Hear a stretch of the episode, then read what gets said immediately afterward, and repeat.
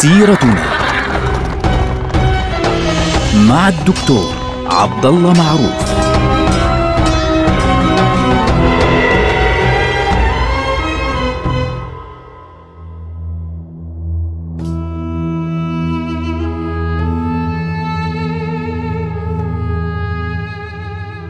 السلام عليكم ورحمة الله وبركاته. سيرتنا سيرة هذه الأمة العظيمة ونحن الآن في عهد السلطان ياو السليم سليم الأول. نحن الآن في مرحلة خطيرة تمر بها الأمة في ذلك الوقت مرحلة انتقالية، طبعا خطيرة قصدت بها يعني مرحلة حساسة لأنها مرحلة انتقالية بين زمنين بين زمن العباسيين وهو أطول زمن خلافة على مر التاريخ الإسلامي أكثر من 770 سنة تقريبا. نتكلم عن حوالي 800 سنة تقريبا إلى الفترة فترة الخلافة العثمانية. نحن الآن في الفترة التي تلت معركة مرج دابق. مرج دابق كانت معركة أساسية في عهد الدولة العثمانية وفي تاريخ بلاد الشام بشكل عام وفي تاريخ الأمة لأنه قلب الأمة اللي هو المسجد الحرام والمسجد النبوي والمسجد الأقصى المبارك بعد هذه المعركة بدأ ينتقل يعني مرحلة انتقالية يدخل فيها في عهد الدولة العثمانية.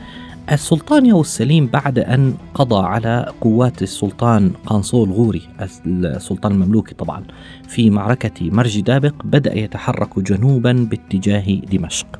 طبعا في عندنا يا إخواننا شاهد عيان من أهل دمشق يمكن هذه واحدة من أجمل الوثائق الموجودة في التاريخ الشامي بالدرجة الأولى لأنه اللي كتبها كان شاهد عيان وهذه من الشهادات القليلة النادرة في التاريخ فعليا. هي شهادة الشيخ شمس الدين محمد ابن طولون.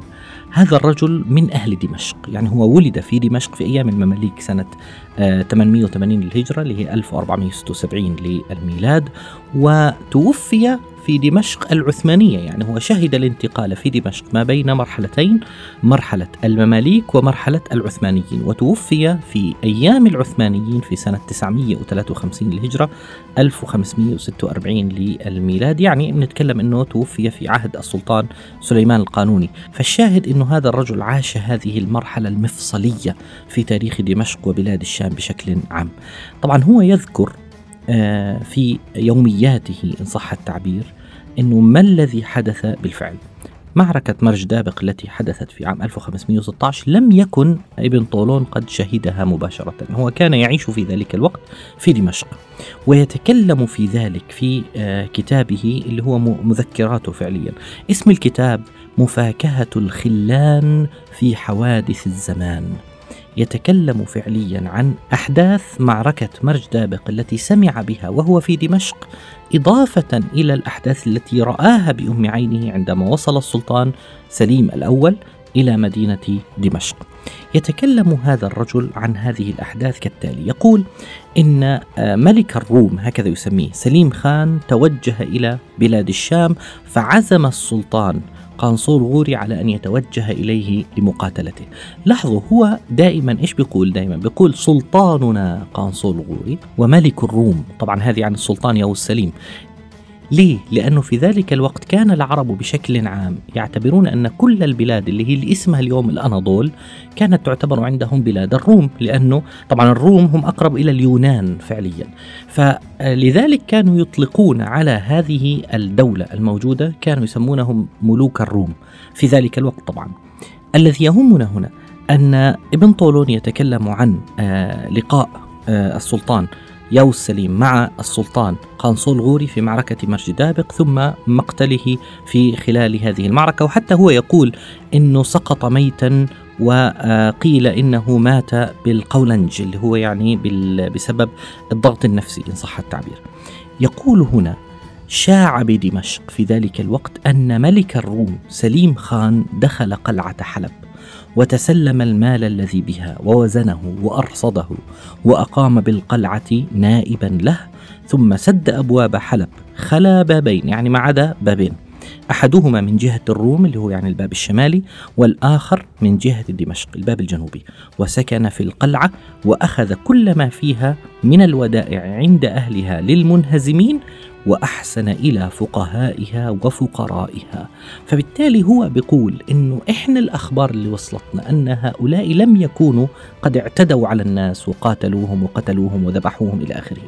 وإنما الذي وصلنا أن آه، بعد معركة مرج دابق أن ياوس سليم توجه إلى حلب ودخل إلى حلب فعليا وتمكن من السيطرة عليها أخذ ما في الخزائن فعليا ووزعه وأحسن إلى الفقراء وإلى الفقهاء في هذه المنطقة. وبالتالي الإحسان إلى الفقهاء وإلى الفقراء هذه ميزة تبين أن أهل دمشق أخذوا الموضوع بطريقة إن صح التعبير مطمئنة فعليا. هنا يتكلم ابن طولون بعد ذلك عن الحدث الكبير. أول خطبة جمعة في منبر المسجد الأموي. يقول ثم في يوم الجمعة بعد ما وصلت الأخبار فعليا إلى دمشق بأن آه، يوس سليم انتصر في معركة مرج دابق وأنه دخل إلى حلب وأنه متوجه بعد ذلك إلى دمشق. ماذا يقول؟ يقول ثم في يوم الجمعة خطب على منبر الأموي يعني على منبر الجامع الأموي الولوي بن الفرفور باسم ملك الروم. الخطيب ابن الفرفور خطب باسم ملك الروم يعني باسم السلطان أو السليم. ودعا للسلطان أو السليم وكذا في سائر الجوامع. بعد ذلك وصل العسكر كما يقول تتابع دخول العسكر.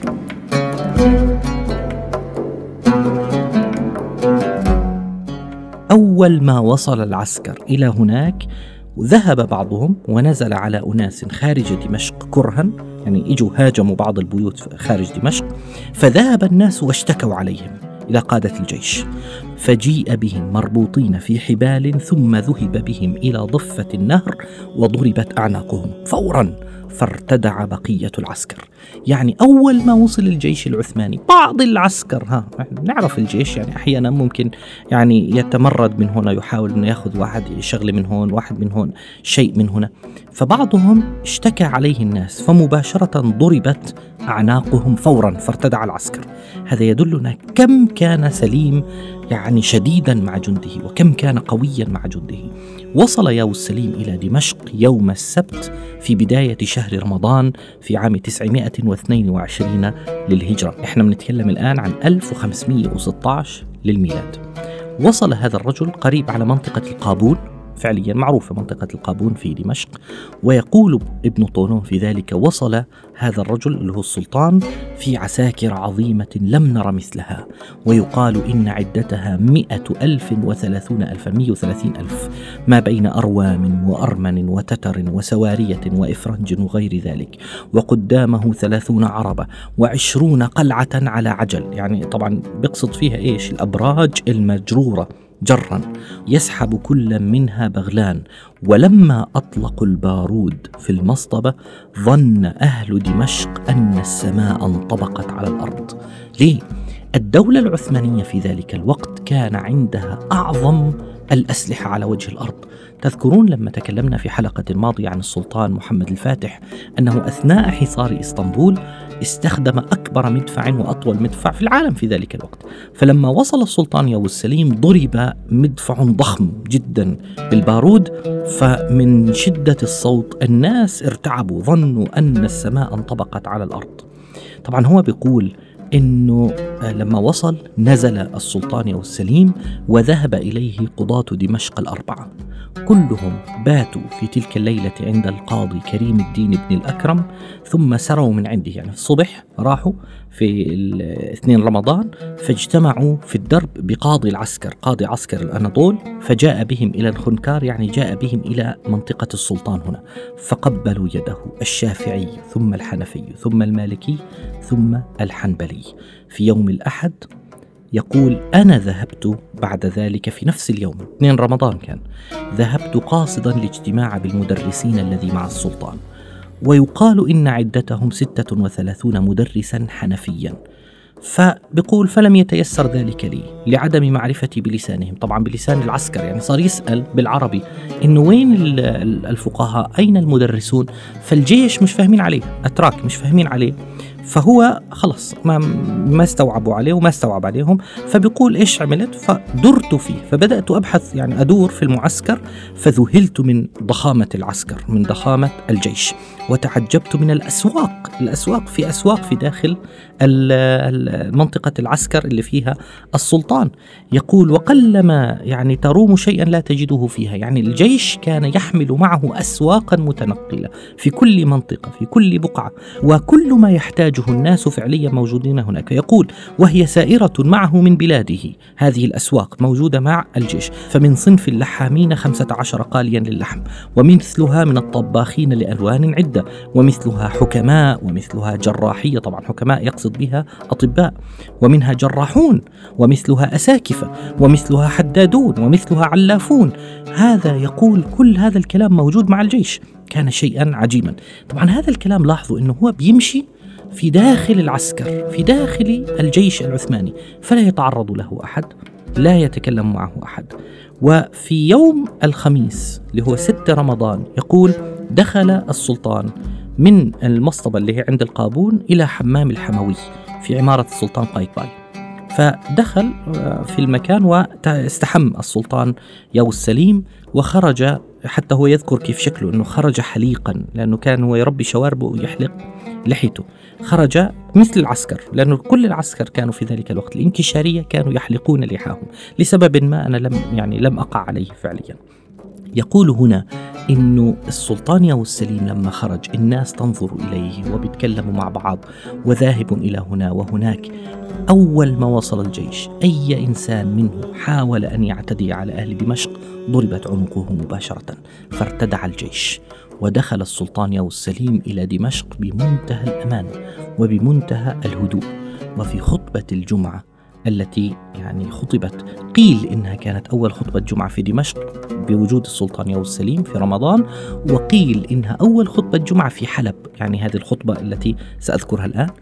قيل إنها كان يعني قيلت في حلب وقيل إنها قيلت في دمشق والأرجح أنها قيلت في دمشق.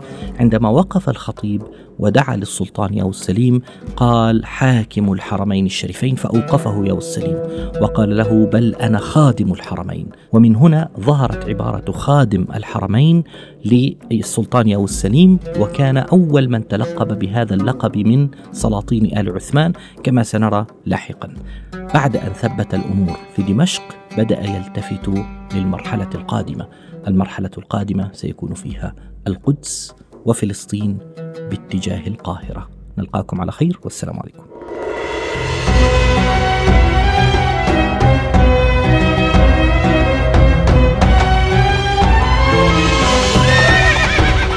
سيرتنا